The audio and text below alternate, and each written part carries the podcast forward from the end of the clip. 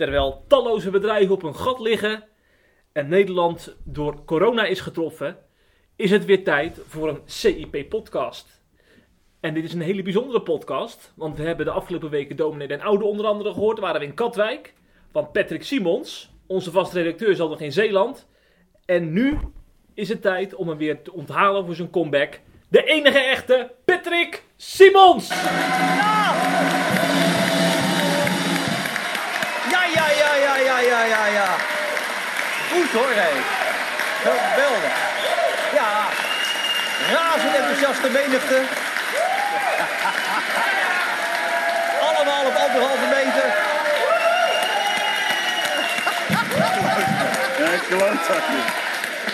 Ja. Ja. Dank u, dank u, dank u, dank u, dank u. Het applaus ging lang door, eh Pet. Terecht. En dat zegt natuurlijk genoeg. Dat is meer dan terecht Want natuurlijk. Nederland heeft jou wel zeven of acht weken moeten Ja, missen. ja, en dat is een gemis, hè? Ja, Laten we eerlijk zijn. Maar heb je daarvoor champagne aange- aan, laten, aan laten rukken? Want Ik heb uiteraard. champagne in mijn hand. Ja, hier voor ons staat een heerlijke fles. We kunnen natuurlijk geen reclame maken, dus we gaan Nee. eh, het merk niet noemen. Nee, Maar hij is heerlijk, laten we het daarop hij houden. is lekker. Ja, dat is speciaal voor mij. Zeker, zeker. Oh, oké, mooi ja, zo, joh. Ja. Want eh, de CIP-podcast is eigenlijk toch geen echte podcast zonder jou. We hebben het wel gedaan zon- met de dominee Den Oude, met de dominee Breugem, met Jelmer, een eh, arts uit het ziekenhuis en ook met Johan Boertjens, een PSV-supporter Ja. en predikant in Amsterdam. Dat is een bond gezelschap, Jeff. Ja, ja en wij, wij danken deze vier eh, mooie mannen natuurlijk voor hun bijdrage. Maar nu ben jij weer terug. En dat betekent dat wij eh, ons oude format weer terug hebben. Ja, en dat we elke week weer fijn alles en iedereen in Christelijk Nederland de maat gaan nemen. Ja, want wij, jij bent natuurlijk het geweten van Christelijk Nederland. Ja. Dus jij hebt het recht ook om dat te doen. ik zit ook gewoon à la Louis van Gaal heel serieus ja te knikken.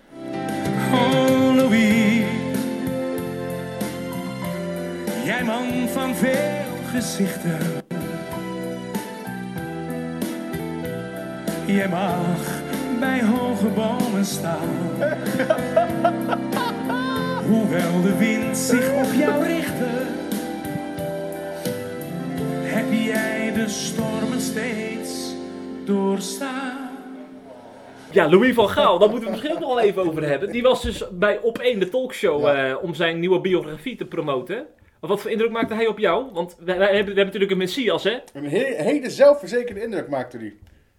Ja, ja, dat is een understatement inderdaad. Ja, Oh, ja. Maar erg. ik wilde zeggen, wij hebben natuurlijk een Messias die we elke zondag aanbidden. Ja. Maar ik moest daar een beetje aan denken toen Ja. ik hem zag zitten in die stoel. ja, de Messias van Louis van Gaal is Louis van Gaal, ja. Ja, Ja, Ja, zo voelt hij zich ook echt. precies. We hebben trouwens nog met dominee Den Oude over Louis gehad. Want hij had dat natuurlijk klopt, een, een, een, heb uitspraak over gebed had hij gedaan. Ja, die is hadden we antwoord op gegeven. Ja, ja.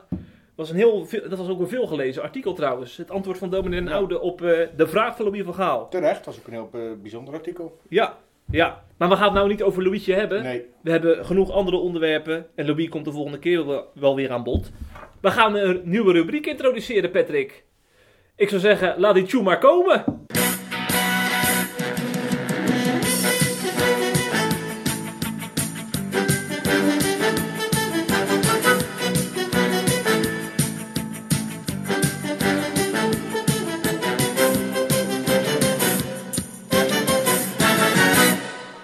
Het is tijd voor de ergernis van de week. Wij gaan vanaf deze week gaan wij eh, eh, allebei een ergernis eh, doornemen. moet dat nou weer? Kunnen we nou niet eens een keer iets met een positieve inslag doen? Ja, Altijd dat negatieve gedoe op zit. Vanuit een ergernis kan een opbouwend verhaal voortkomen. Nou, Luister maar naar mijn hoor. ergernis.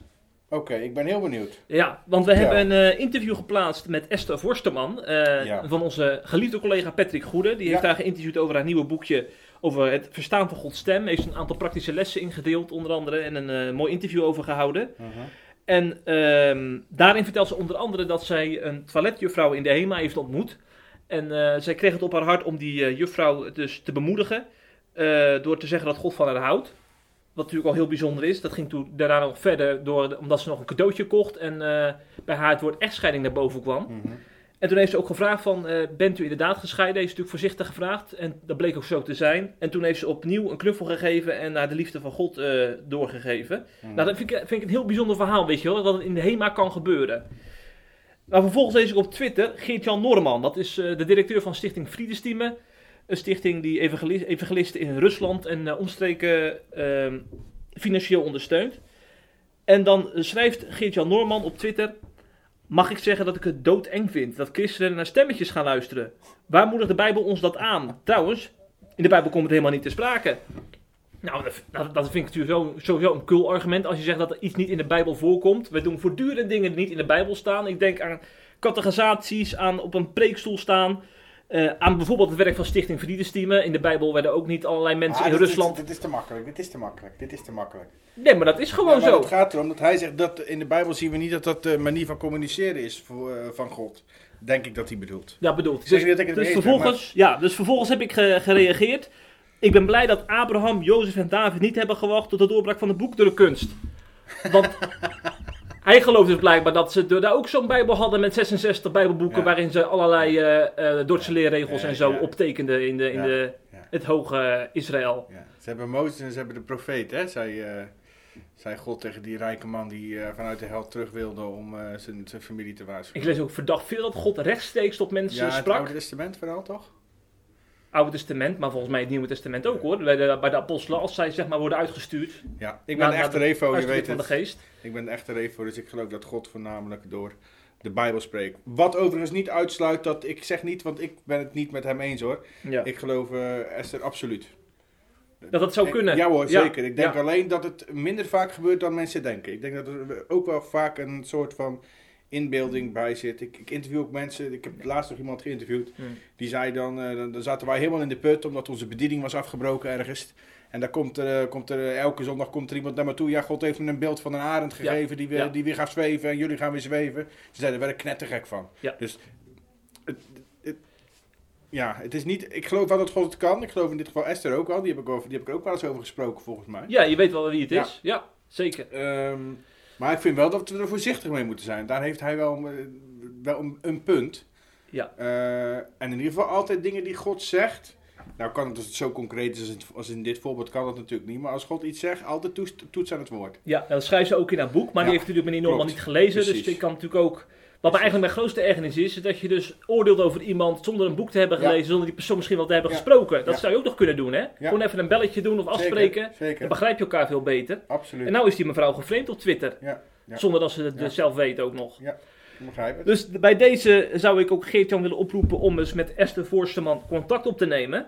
En eh, ik ben ook bereid om met Geert-Jan er nog eens over door te praten. Want ik vind natuurlijk zelf ook een heel boeiend interview. God stem verstaan. Bij Stichting Vriendestimme kunnen ze heerlijke frikandellen en kroketten bakken. Dus ik nodig mezelf bij deze uit om weer eens naar Gouda te komen. Daar ga ik ook mee. Neem we deze fles ook gelijk mee hier. Ja, die lege.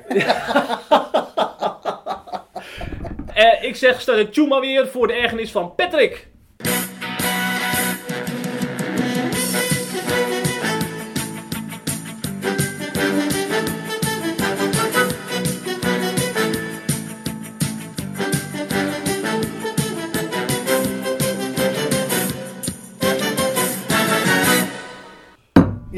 Nou is jouw beurt. want Jeffrey, jij kan je groen en geel geërgerd hebben. Ik heb me deze week blauw en wit geërgerd. Oh, En wel aan de houding van wie anders dan Gert-Jan Segers, de Ja. voorman van de ChristenUnie. die zien we veel, veel in beeld eh, trouwens ook in deze Heel veel coronatijd. in beeld, ja. Overigens vaak ook heel goed hoor, maar het gaat nu om, om één specifieke tweet. Ehm, hij, hij, hij richtte zich op Twitter eh, naar, naar Forum voor Democratie. Ehm, en ik zal die tweet even voorlezen. De leider heeft het over de cultuur-marxistische mainstream van VVD tot en met SP, die Nederland wil vernietigen. FVD-jongeren doen antisemitisch en een denker flirt met geweld. Is het heel raar als ik een coalitie met Forum voor Democratie niet geloofwaardig vind? Dat was een tweet. Nou, deze tweet gaat over eh Thierry Baudet natuurlijk in eerste instantie. Eh, over eh, de FVD-jongeren, de, de jongerenafdeling van, de, van zijn partij. En over Sid Lucassen, dat is een, een rechtse denker. Die, die ook wel zich veel inlaat met eh, Forum voor Democratie. Hè? Ja. Ehm, en die heeft van de week zijn er WhatsApp-gesprekken van hem gelekt. eh, waarin hij echt wel hele bizarre uitspraken deed. Ook over het uitschakelen van po- politieke tegenstanders bijvoorbeeld. Eh, dus dat is nogal heftig. Maar goed. eh, ik wil er niet echt heel inhoudelijk op ingaan. Dat is ook mijn ergernis niet, om eerlijk te zijn. Al moet ik er wel bij zeggen, wat Segers hier over eh, Forum eh, voor Democratie Jongeren zegt. Hij zegt, die doen antisemitisch. Ik meen Segers eerder wel eens gezegd te horen hebben... ehm, dat we op het gedrag van een klein gedeelte van een groep... niet de hele groep mogen afrekenen. Maar ik vermoed dat het over een andere groep ging toen, dus dan is het weer een andere maat. Eh enfin, de inhoud was niet erg mijn ergernis, dat mag je allemaal vinden. Waar ik me vooral aan erger is het feit dat hij nu even drie incidenten pakt. eh, en dan op een enorme, komt hij weer, op een enorme deugdmanier eh, stelt dat hij het, vind je het raar dat ik een coalitie met Forum voor Democratie niet geloofwaardig vind? Ik zal wel meteen antwoord geven op die vraag. Nee hoor, vind ik helemaal niet raar. Eh, ik snap dat wel. En ik vind bovendien dat het goed recht is van de ChristenUnie om te zeggen, daar willen we niet mee samenwerken. Prima, zo werkt ons politieke landschap. Zeker. Helemaal prima. Maar, wat ik dan niet snap, is dat diezelfde eh, Gert-Jan Segers wel met zijn partij in een coalitie stapt met de grootste anti-christelijke partij uit de hele parlementaire geschiedenis in Nederland. Namelijk D66. En laten we eerlijk zijn, dat is een partij die er eigenlijk alles aan doet ehm, de laatste decennia dan, decennium, eh, om christelijke waarden uit te wissen in Nederland. Hè? Een partij die mensen wil helpen met zelfvernietiging, zelfs als ze niet volledig toerekeningsvatbaar zijn. Een partij die trots is dat ze het voor elkaar hebben gekregen om het doden van miljoenen kinderen legaal te maken. Eh, een partij die het doorgeven van christelijke waarden en het onderwijs geven vanuit de Bijbel op scholen wil verbieden. Kortom, een partij die religie wil opsluiten achter de voordeur. Meerdere keren letterlijk gezegd hè, door mensen van die partij. Overigens, als we het over jongerenafdelingen hebben, je moet eens naar de standpunten van de jongerenafdeling kijken of eens een keer een avond meevolgen wat daarvoor antichristelijke uitspraken worden gedaan. Richting de kerk bijvoorbeeld. Eh. En daar werkt dezelfde Segers dus al jaren mee samen. En daar is hij nog trots op ook. Ja, maar er is ook dat vind ik kant. dus heel... Even wachten, dat vind ik dus enorm hypocriet. Dus ik vind dat je het recht hebt om te zeggen... ik wil daar niet mee samenwerken... maar tegelijkertijd werk je met de grootste anti-christelijke partij... werk je samen. En ik weet nou al wat jij gaat zeggen. Jij gaat dan weer zeggen... ja, maar daar hebben ze wel mee voor elkaar gekregen... dat de, de plan van voltooid leven is uitgesteld. Dus je kan ze afremmen. En dat ze niet met GroenLinks in zee zijn gegaan. Exact, exact. Maar dat, dat is dus geen argument. Jawel. Dat is een argument om met D66 te regeren, ja. Maar dat is dus geen argument. Het gaat mij om de hypocrisie dat je bij hun dan zegt dat doen we wel en bij een Forum niet. Hm. Bij Forum kan je dat toch ook doen? Kan je dan toch ook zeggen we zijn het er helemaal niet mee Dat kan eens? de SGP volgende keer doen. Ja, maar nee, CU. CU kan toch ook met Forum zeggen we zijn het met heel veel dingen helemaal niet eens. Maar als wij eh, met ze mee gaan regeren kunnen we, wel, kunnen we ze wel afremmen. Zoals ze bij D66 schijnbaar hebben gedaan. Ik hoor nog steeds heel veel anti-religieuze sentimenten, maar goed. Dus ik vind dat geen argument. Nou, het verschil... Het gaat om het ja. verschil. Dat je bij de ene partij zegt, zij zijn slecht in hun waarden, in hun uitspraken, antisemitisme. eh, eh, hij zegt het niet, maar geloof me, maar fascisme. daar wil ik niet mee samenwerken. En bij de andere partij, die gewoon eh, trots is dat ze miljoenen kinderen, mo- kindermoord op miljoenen kinderen legaal maken. Die eh, er alles aan doen om mensen zelfmoord te laten plegen, zelfs als ze eh, niet toerekeningsvatbaar zijn, doordat ze bijvoorbeeld heel erg depressief zijn. Dat dat echt hoog op hun agenda staat, daar werk je wel mee samen. Dat, Ja. is, dat is gewoon hypocriet. Nou, ik, ik snap je punt, maar als er dan toch een verschil is- mag, mag, mag aanwijzen, dan is het deze. FVD heeft natuurlijk de rechtspraak, of de rechtsstaat, waarschijnlijk wat minder hoog dan D66.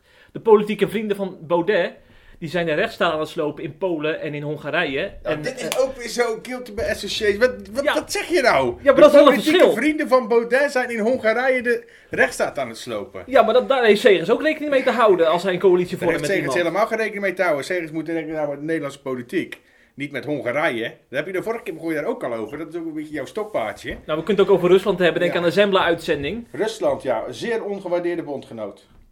Ja, Zouden we veel vaker, veel meer en intensiever mee moeten samenwerken. Maar goed, om Ook even dat jou- ziet voor Democratie heel goed. Maar we gaan hier geen nee, inhoudelijke nee, maar discussie om even jouw ergernis samen te vatten. Segers is niet consequent in zijn eh, Ja. eh, manier van politiek Ik vind het bedrijven. prima, want nou, nou, komen, nou Ja. komen we terecht op een inhoudelijke discussie over Forum. Ja. Eh, dat, dat gaat het helemaal niet om. Snap ik. Snap want ik vind het prima dat je Forum verachtelijk vindt zelfs. Dat, moet, dat mag het zeker vinden. En die mag ze uitsluiten. Oh wel, ik vind uitsluiten vooraf altijd een beetje een zwakte bot. Maar goed, die mag zeggen, ik vind het ongeloofwaardig.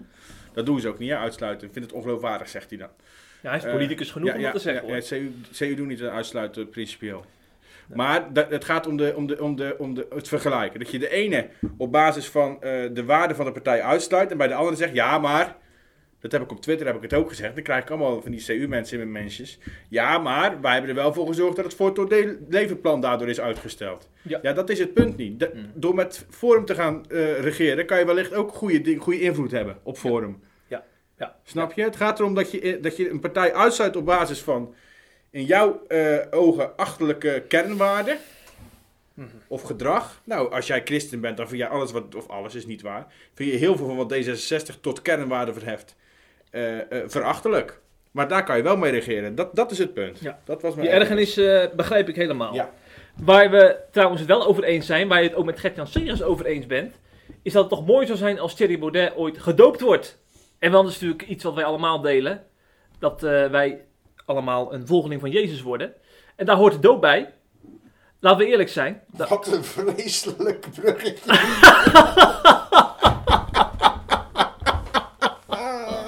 oh, oh, oh, oh, oh.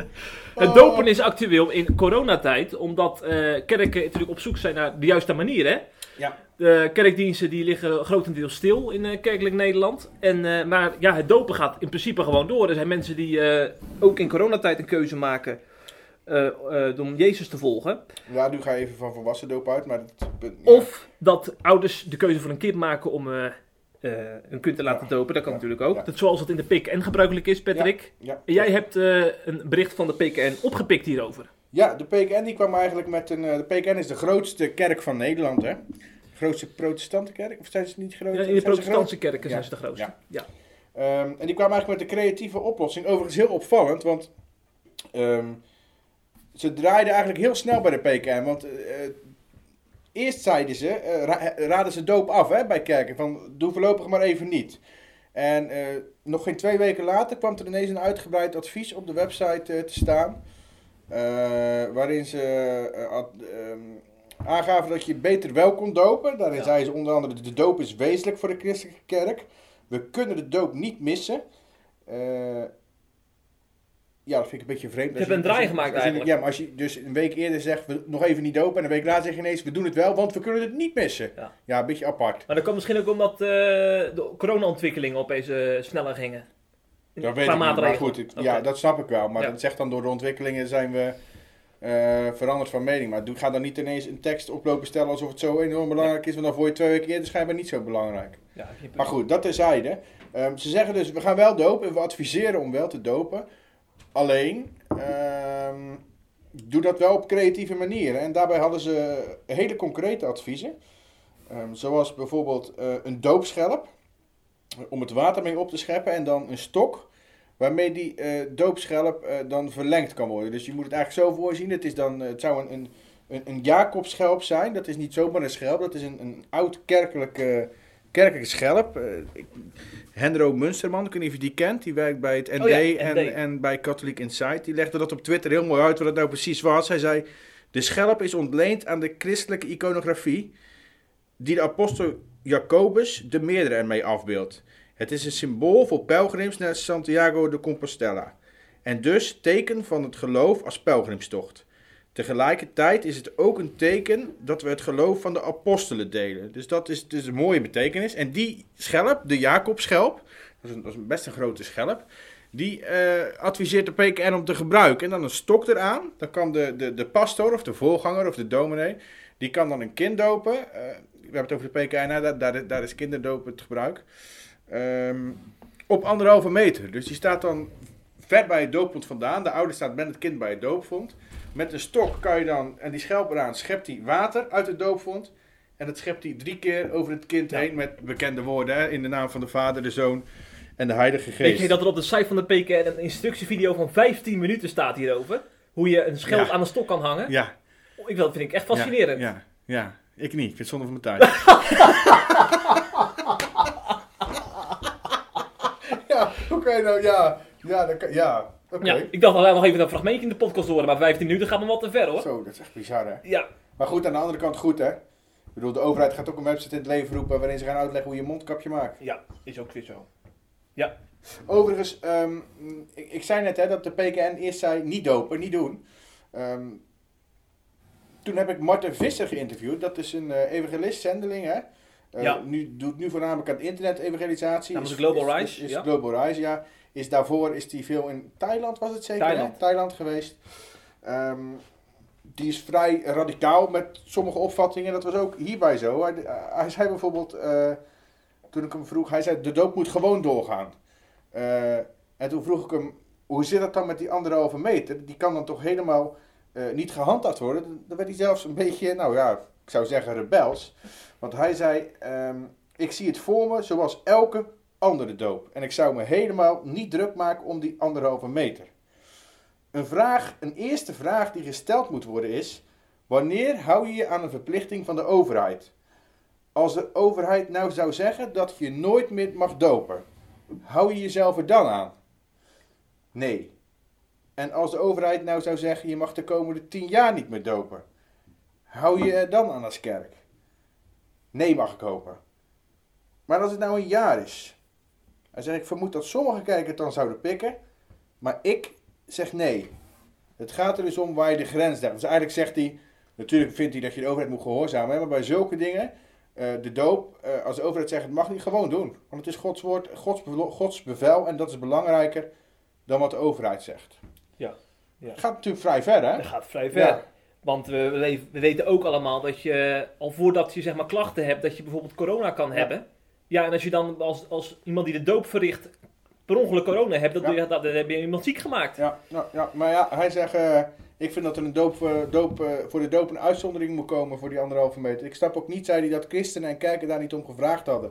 En vervolgens kwam hij met andere landen waar het dus wel gebeurde. Hè, waar mensen Ja. letterlijk de straat niet op mogen, maar voor de doop geldt er dan een uitzondering. Omdat het gewoon heel belangrijk is. Ja. Ja. Ehm. Ik vraag, ik vind mezelf, ja, vind jij dat nou zo belangrijk? Ik vind de doop belangrijk, hè. Maar, ja, het is niet zaligmakend, hè. We zijn, we zijn toch geen katholieken? Dat je nog, hè, dat, dat ze bijvoorbeeld bij iemand die gaat sterven nog snel, even, of een kind wat geboren wordt en heel ziek is en gaat sterven, dat ze die nog snel moeten dopen, want hè, anders gaat het dadelijk mis. Ja, wat ik vooral ook belangrijk vind aan een doopdienst is dat je allerlei mensen kunt uitnodigen, uitnodigen die eh, niet in een kerk komen normaal gesproken. En dat je dan laat zien, eh, misschien ook door een mooi verhaal, van hoe je tot Jezus bent gekomen. En dat is een, daar is een doopdienst heel geschikt voor. Dus in, in coronatijd is dat natuurlijk niet mogelijk. Dus daar ben ik ook heel erg van pragmatisch. Van, je kan ook gewoon na coronatijd zo'n doopdienst organiseren. Ja, Dus daar Ja. denk ik erover. ja, Het gaat uiteindelijk om dat dat, getuigenis de wereld ingaat. ja. Denk Eh, ik ja, ja, is het doop, is het doop, is het enige functie van doopgetuigenis? Nee, uiteindelijk... eh, eh, Overigens moet wel even duidelijk houden, hè, want ik heb het nu elke Ja. keer over kinderdoop en jij hebt het natuurlijk weer over geloofsdoop, hè? ja, precies, precies. En die inhoudelijke discussie gaan we absoluut niet aan. Nee, dat, wij gaan we helemaal, niet geen- dat, dat doen wij ook nooit, hè? Nee. We vinden dat niet zo belangrijk als andere mensen. Nee, nee, nee. Nou, maar ik geloof wel dat eh, als je dan zeg maar een doopdienst organiseert, dan eh, moet je wel de mensen op het oog hebben die tegenover je staan. Want Ja. die, die moeten horen uiteindelijk dat Jezus leeft. Ja. Het gaat niet om jezelf volgens mij, Ja. alleen bij een doopdienst. Nee, nee, nee. Het gaat, het gaat nooit om jezelf. Nee. Het gaat altijd om God. Ja. Eh, waar mensen trouwens ook konden genieten van een doopdienst, dat is in Hoge Zand. Daar heb je een Pinkstergemeente. Sappermeer? Sappermeer? Ja, ja, ja, ja, in het Hoge Noorden, daar, ja. ja. Dat is echt een heel eind rijden vanaf hier natuurlijk. Maar... eh, Oké, bedankt voor de informatie. Ook daar. ja, voor mensen die daar nog wel naar de gemeente van Gerke Oostra willen, is dat relevant. De, want Gerke Oostra eh, leidt daar een Pinkstergemeente. En deze meneer die stuurde mij een mooi filmpje door via de WhatsApp. En in dat filmpje werden twee mensen gedoopt, namelijk Marieke en Jan-Peter. Ze gingen dus het water in in de gemeente van Gerke Oostra. En dat was, het was maar de vraag of dat doorging natuurlijk. Hè? Want het is natuurlijk coronatijd. En Gerke die vroeg zich ook af van... eh, ja, wat moet ik eigenlijk doen met die doopvraag in deze tijd? Moeten we het uitstellen? Zijn er überhaupt middelen om toch die doopdienst voor te- door te laten gaan? Dus hij vroeg het aan zijn vrouw, wat moet ik doen? En toen zag hij dus in zijn huis een metalen stang staan... waarmee hij altijd de muren saust om, eh, om, eh, ja, om er een kleurtje op te gooien, zeg maar. Ja. En hij dacht toen, misschien, ja, hij, gelukkig zei hij niet dat het een ingeving van de Heilige Geest was, zover ging hij niet. Maar je zou bijna denken dat hij die stang dus kan gebruiken om die doopdiensten eh, te organiseren. Dus in het filmpje zie je ook dat die dopelingen die stang vasthouden en hij dan op die manier afstand kan houden en alsnog die mensen kan onderdompelen. En dat heeft hij ook gedaan met Marieke en Jan-Peter. En eh, nou, laten we even een fragmentje horen. Je kan het natuurlijk niet zien. Nou, ik vind het toch leuk om even te horen hoe enthousiast Gerke is over deze doopdienst.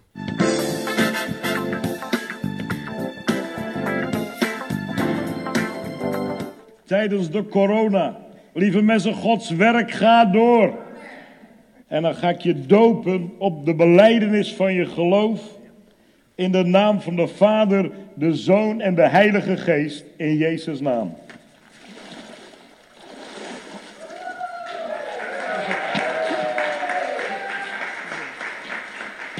Marieke, ik doop je op de beleidenis van je geloof.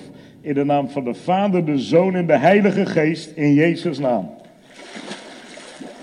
Prijs God.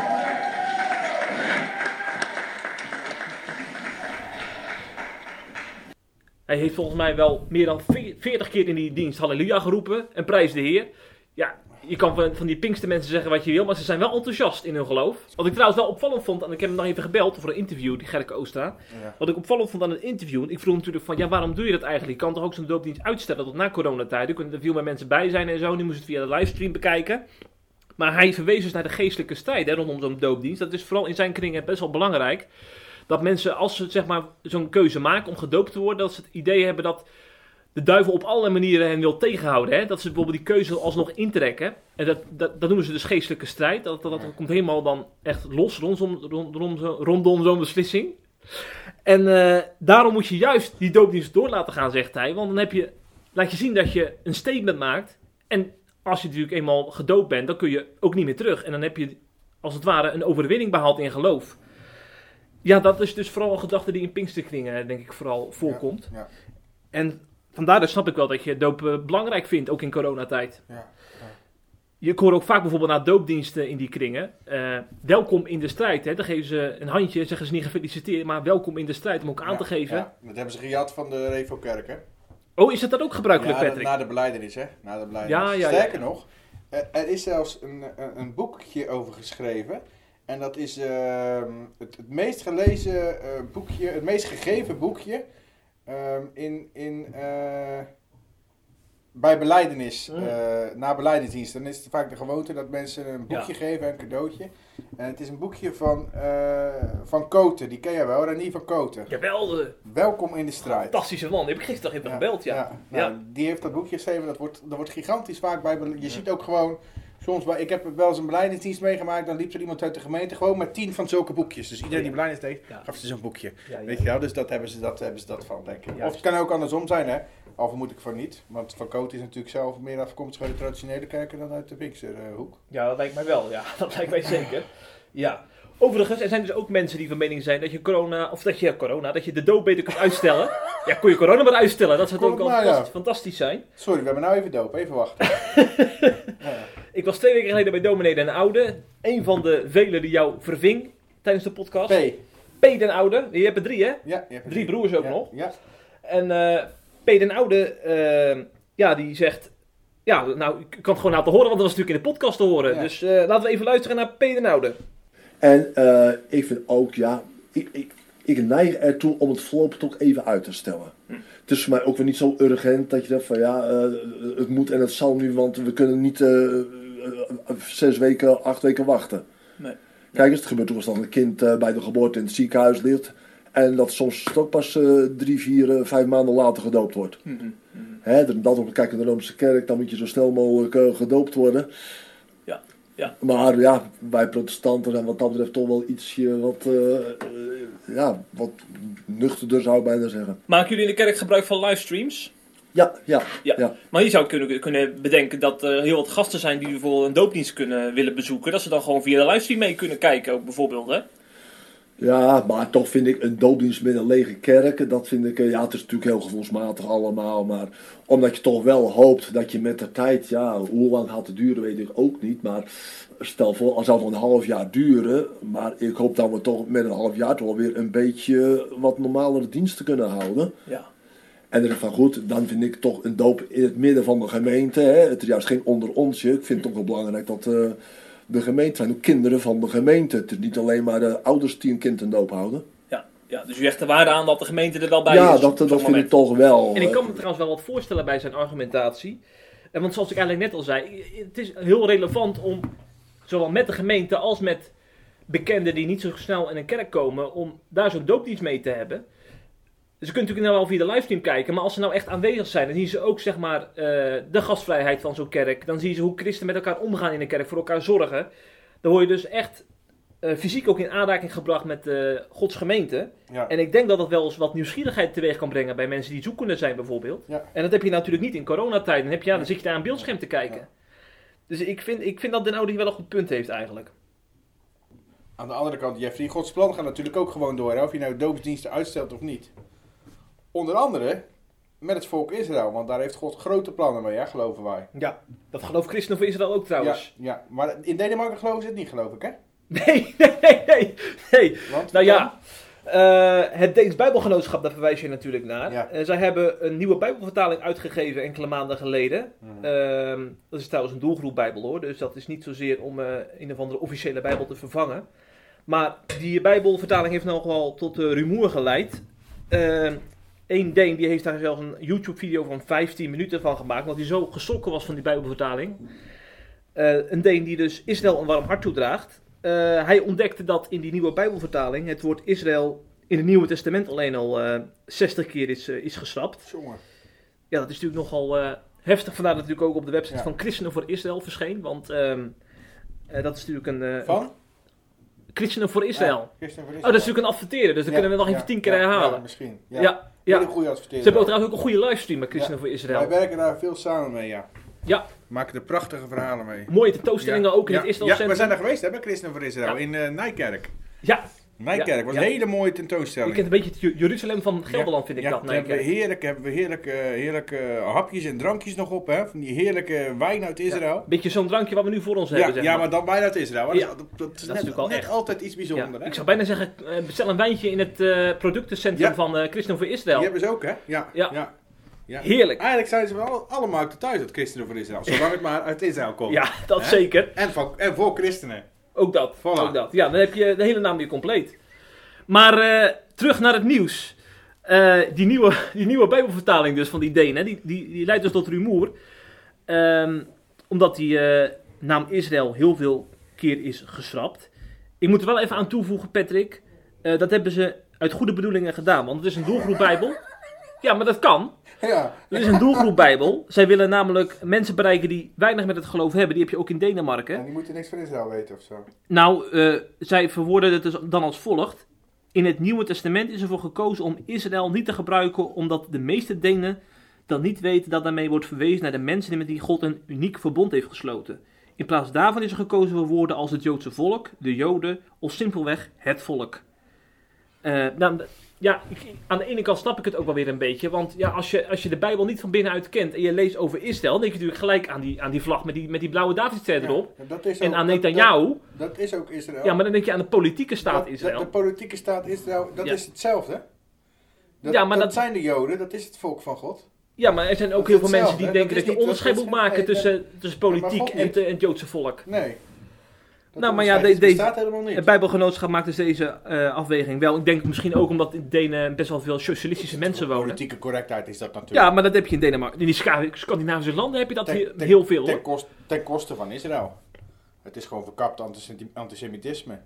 Ja, en om dus, en om, dus die mensen die eh, wat socialistisch denken, die heb je ook veel in Denemarken, Ja. om die te bereiken, hebben ze dus deze keuze gemaakt, denk ik. Ja.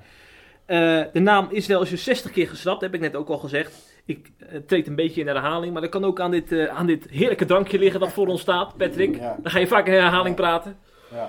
Ehm, wat me trouwens wel een beetje stoorde, is dat er in de reacties op cip.nl gelijk het woord vervangingstheologie naar voren eh, kwam. Volgens mij is daar pas sprake van, daarvan pas sprake als je Israël vervangt door bijvoorbeeld de kerk of de heidenen. Ja. Want zij vervangen Israël door het volk, het Ja. Joodse volk, of Ja. door Joden. Dat is geen vervanging. Dat is gewoon een ander woord. Ja, ja. maar dat is, niet, dat is natuurlijk niet waar. Ja, dus dat wil ik toch nog wel even gezegd hebben. Oh. En eh, als laatste, ze zijn niet helemaal consequent. Want eh, ze zeggen dan dat ze deze keuze hebben gemaakt om eh, het his- historische Israël te onderscheiden van de moderne staat Israël. Maar vervolgens lees je wel bijvoorbeeld over Egypte. Hè, het Egypteland waar het Joodse volk naartoe werd gedreven. En als slaven werden behandeld. Dat zou je dan eigenlijk, als je consequent bent, ook moeten vervangen door een ander woord, Egypte. Want als je dat je argument is, dan is het een beetje gek om het alleen bij Israël te doen. En vandaar ook dat, dat deze keuze nog wat vraagtekens oproept bij, eh, bij lezers van deze Ja. doelgroep Bijbel. Ja, en niet alleen bij de lezers, ook bij politici, hè? Nederlandse politici zelfs. Zelfs. Nederlandse politici, ja. Want wij hebben natuurlijk eh, elke twee weken publiceren wij een column van Eppo Bruins. Dat is een eh, Tweede Kamerlid namens de ChristenUnie. Een heel fijn Tweede Kamerlid met een hart voor Israël ook. Dat heeft bijna iedereen bij Christen, Een hart voor. CIP ook. Hij Een leest ons hart graag, voor hè? CIP, ja. ja, Ja, ja. En dat wij was- hebben een hart voor hem, want wij lezen hem ook vaak. Ja, ja. Ik kan eh, in ieder geval elke twee weken genieten van zijn columns. Die, die, dus ik zou vooral iedereen willen oproepen om die columns te lezen. Eh, wel CIP+, dus even een abonnementje afsluiten, maar goed. Dat kan makkelijk, hè? Die hebben daar trouwens wel nodig in coronatijd. Ja, hoor, die hebben hard nodig, hè? Die gaan een beetje, die dalen een beetje. Ja, ja, ja, ja. Maar goed, ja, wij zijn natuurlijk ook eh, een van de vele media in Nederland Ja. die hier last van hebben. Ja. Dus ja, wij horen ook bij die groep. Precies. Maar in ieder geval, blijf Apple Bruins lezen, zou ik zeggen. En, en die had ook, die heeft in zijn laatste column, eh, ging hij in op dit onderwerp, hè? Over eh, ehm, die Bijbel in Denemarken die het woord Israël schrapte. Hij noemde eigenlijk ehm, eh, drie redenen waarom hij vond dat dat niet kon, zeg maar. Waarom je Israël juist wel moet benoemen. Ehm, en ik zal ze even kort noemen. Ik kan natuurlijk niet heel die column voor gaan zitten lezen hier. Ja. Want dan zijn we overmorgen nog bezig. Maar hij noemde drie belangrijke punten. Eén, hij zei: Ik ben dol op de eerste vijf boeken van Mozes. Sterker nog, hij noemt ze zelfs eh, voor hem een, een godsbewijs. En hij zei daarbij: Want deze boeken die gaan over het volk van God, de God van Israël. Eh, twee, zegt Apple Bruins, door het woord Israël te schappen, schrappen, wordt ook de Joodse identiteit van mijn rabbi en heer geschrapt. Yeshua ben Jozef, die wij in het Westen later Jezus Christus zijn gaan noemen, maar dat was zijn naam. En drie, ehm, volgens Apple heeft de Bijbel als Joods boek een allesveranderend moraal gebracht in Europa. Het bracht bijvoorbeeld het idee van menselijke gelijkwaardigheid, de heiligheid van het leven. Dat zijn niet argumenten van daarom mag het niet, maar heel persoonlijk. Hè? Van daarom vind ik het niet kunnen. En ik vond het wel heel mooi en treffend. En ik ben het er ook echt mee eens. Ehm, ik, ik, ben, hoe, ouder ik word, hoe meer waardering ik voor, voor het Joodse volk als godsvolk, voor Israël, eh begin te krijgen. En liefde ook.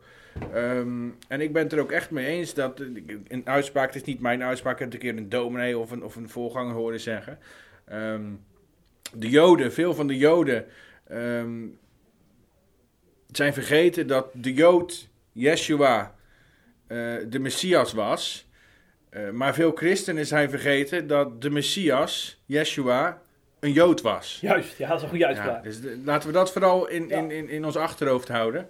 En ons zeker niet, wat ik wel eens in de christelijke kringen, maar goed, ik ga er helemaal uitweiden over Israël, maar ik, dat wil ik ook nog wel even zeggen. Ehm, ehm, ehm, boven Israël gesteld voelen, dat ben ik ook heel vaak. Hè? Ja. Zij hebben Jezus afgewezen en wij wel, wij wel. Eh, ons past vooral nederigheid, zeker na wat er 70 jaar geleden is gebeurd, eh, mede door toedoen van christenen. Ja, ja zeker, absoluut. Trouwens, ik kan me wel voorstellen dat, dat er Denen zijn die inderdaad gewoon totaal niet snappen waar het over gaat. Hè, als ze voor het eerst zo'n Bijbel lezen. Maar dan is het natuurlijk, ja, dan is het natuurlijk te rigoureus om dan zo'n wo- Israël te schrappen uit Bijbel. Maar wat je wel zou kunnen doen, is je erin verdiepen. Wat wordt er nou met eh, dat verbond met Israël bedoeld? Wat is dan Gods relatie met Israël eh, momenteel? Ja, ze zijn nog niet in het Deens beschikbaar, maar je zou dan wel naar de livestream van Christen over Israël kunnen gaan. Daar wordt elke avond wordt daar een, een Ja, lezing gehouden, ja. bijvoorbeeld door Henk Poot of de Kees van Velzen. goed hè, ik heb Goed. ze, ja, Ja, hele diepgaande, dat doen ze goed bij christenen voor Israël. ja over, eh, de, gaan ze dus bijvoorbeeld in over de, over de kerk, Israël en Jezus, wat Ja, nou de relatie ja. die, die- tussen die drie is. Ja. En ehm, ja, ik, ik denk dat dat kost wel even anderhalf uur, maar neem dan toch die moeite om dat te begrijpen. Ja, ik heb er een paar gekeken en ik heb er eigenlijk van genoten, moet ik eerlijk zeggen. Kun je goede verslagen van maken voor ja, CIP. Ook, ook, maar ik heb ze privé gekeken, dus niet voor CIP. Oké, ja. Dus ik zou inderdaad iedereen aanraden om gewoon af en toe eens in te schakelen bij die livestream van Christenen voor Israël hoor. Ja, want ik merk het in mijn omgeving ook van, het roept zoveel vragen op, zeg maar, Gods relatie met Israël. Maar ik denk van, ja, neem dan ook de moeite om eens een keer anderhalf uur naar een YouTube-video te kijken. En laten we eerlijk zijn, we hebben nu tijd zat, want iedereen zit veel meer thuis. Klopt. Eh, het is zo, we gaan amper meer naar kerk. Ja, ja, hoe doe jij dat eigenlijk thuis nu, Patrick? Want jij kan ook niet naar de kerk. Nou ja, ik moet eerlijk zeggen dat ik, ik, ik was altijd al eh, niet, niet zo van dat ik elke zondag eh, naar de kerk ging. Hè? Dus ik was altijd zo een beetje van de zondag thuis vieren. Daar, daar, daar hou ik wel van. Eh, maar ik moet zeggen dat ik sinds ik... eh, ehm, sinds de coronacrisis ben ik Mozaïek 0318 ben ik enorm gaan waarderen. Eh, vrijwel elke zondag schakel ik de livestream in. Goede boodschap, inhoudelijke boodschap, leuke muziek die bij mij past, die ik leuk vind. Ehm, en volgens mij was er voorheen was er geen livestream. Of hij was er wel, maar dan was hij alleen beschikbaar voor leden. Dan moest je inloggen of zoiets. Zoiets was Want dan het kon je alleen terugkijken als Ja, buitenstaander. precies. En dan alleen de preek, niet de aanbidding. Dat kon je Ja. dan weer niet terugkijken. Ehm, maar goed, daar hou ik dus van. Dus dat kijk ik bijna elke zondag. En Hour of Power natuurlijk, hè, van onze allergrootste vriend, CIP-vriend Jan van der Bos. Haha. Eh, dat kijk ik ook En regelmatig. dan keek je daarvoor ook al voor corona. Dat keek ik ook daarvoor al, ja. Plus, eh, wat ik ook heel mooi vind, en dat is dan meestal daarna nog, Nederland zingt dichtbij. Oh, Dat is eh, dan Arjen- met Arjen ten Brinken. Jurjen ten Brinken. Jurjen ten Brinken, ik zit weer mis. Och, Ja. Ja, die ten is ook Altijd verwarrend ook, door hoor. elkaar, hè. Ja. Jurjen ten Brinken, en dan is het en Nederland zingt, dus en die liederen, die echt, echt die, die, die gouden oude allemaal, hè. Eh, maar hij heeft, daar, meestal is er ook een persoonlijk verhaal bij. Dus dan praat hij met iemand die iets heeft meegemaakt. Of nou, met gelovens of iemand kwijt, weet je wel. Een mooi, mooi persoonlijk verhaal. En meestal ook nog een korte overdenking. Dus dat vind ik ook erg mooi. Dus eigenlijk ben ik daar eh, met die dingen ben ik heel de, de hele ochtend wel eh, zoet mee. En dan heb je natuurlijk ook nog gewoon eh, alle mogelijke preken. Hè. Je kan alles volgen. Ehm, Zeker. om me heen merk ik trouwens dat vooral, eh, nu met deze coronatijd, vooral de, de, de oudere generatie het moeilijk heeft. Ja? Eh, dan heb ik het over de traditionele kerk, hè? dat is een Mm. beetje mijn omgeving. Ehm, de jongeren die redden zich wel, maar voor die ouderen die, tra- die, die traditionele kerken, die missen echt de, de, zoals dat zo mooi omschreven wordt, de gemeenschap der heiligen. Ja, ja, ja. Dus die missen echt de gemeenschap met, met, met andere gemeenteleden. En het zijn in de kerk, in, in, in Gods huis noemen ze het dan. En dan halen ze dat. eh, Eén dag is in uw huis mij meer eh, dan duizend waar ik u ontbeer. De psalmtekst. Die missen echt Gods huis als plek waar ze zijn om God te dienen. Hè? Bij jongeren Ja. is dat toch wat minder. Hè? Daar zit het toch wat minder in het gebouw. In die traditionele kerken dan. Hè? Mm. Ik denk dat het bij eh evangelische kerk ook bij ouderen al wat minder is. Dat Mm. ze echt aan het gebouw zo gehecht zijn. Ja. Eh, maar ik merk dat, bij ouderen merk ik dat zeker. Overigens moet ik nog complimenten geven voor ehm, hoe traditionele kerken eh, om zijn gegaan met eh, de coronacrisis. En, en, en hun bezwaren tegen bijvoorbeeld livestream, tegen video, tegen beeld. eigenlijk overboord hebben gegooid om te zeggen in deze tijd we gaan gewoon streamen. De Gereformeerde Gemeente bijvoorbeeld was een van de eerste die daarmee begon. Hè? Nog eerder dan heel veel hervormde kerken die het daarvoor niet deden bedoel ik. Hè? Ja. Eh, terwijl die echt, je, dat weten we allebei, eh, heel veel van die dominees en ook gemeenteleden, die zijn daar absoluut op tegen. Tegen, tegen normaal gesproken. Hè? Eh, dat zeggen ze ook letterlijk. Hè? Normaal zijn we erop tegen, maar nu niet. Dus dat vind ik echt complimenten dat ze in staat zijn, want ik weet dat het in die dingen soms heel moeilijk kan zijn.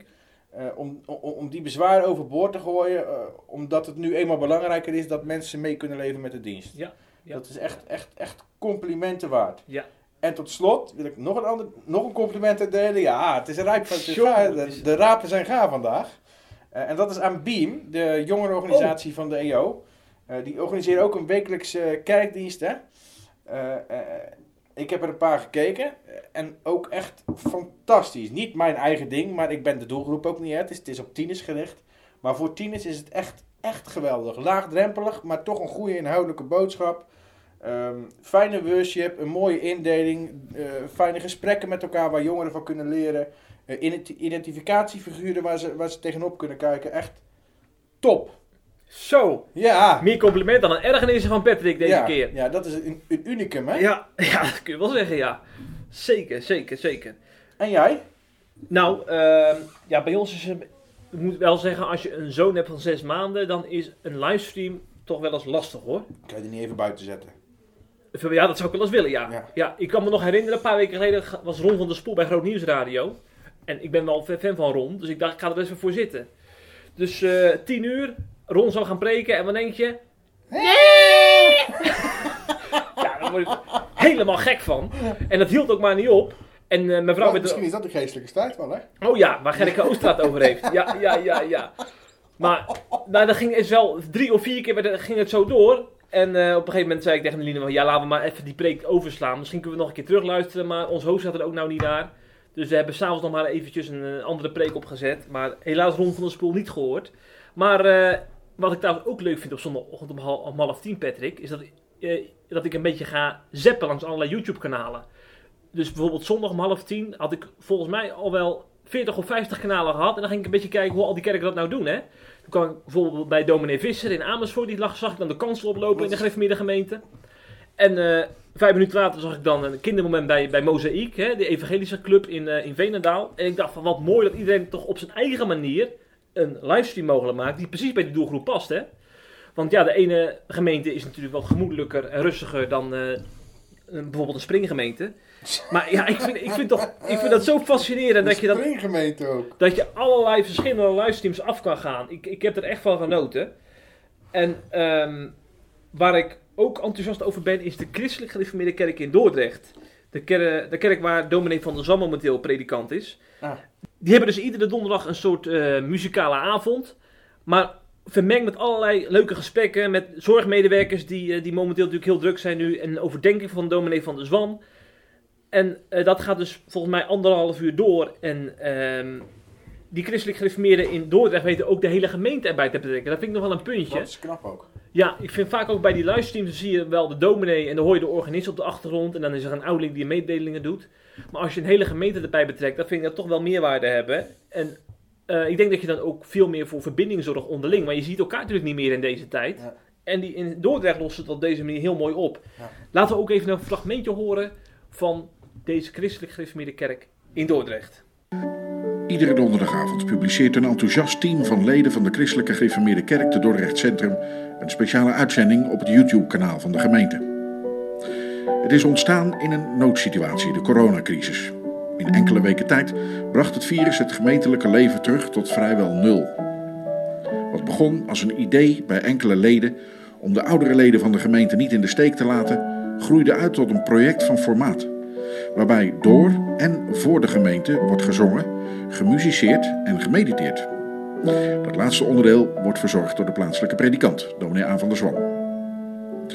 Wisselende groepjes jongeren, ensembles van leden van hetzelfde gezin, individueel zangtalent, gedichten met toelichting en persoonlijke verhalen van zorgmedewerkers.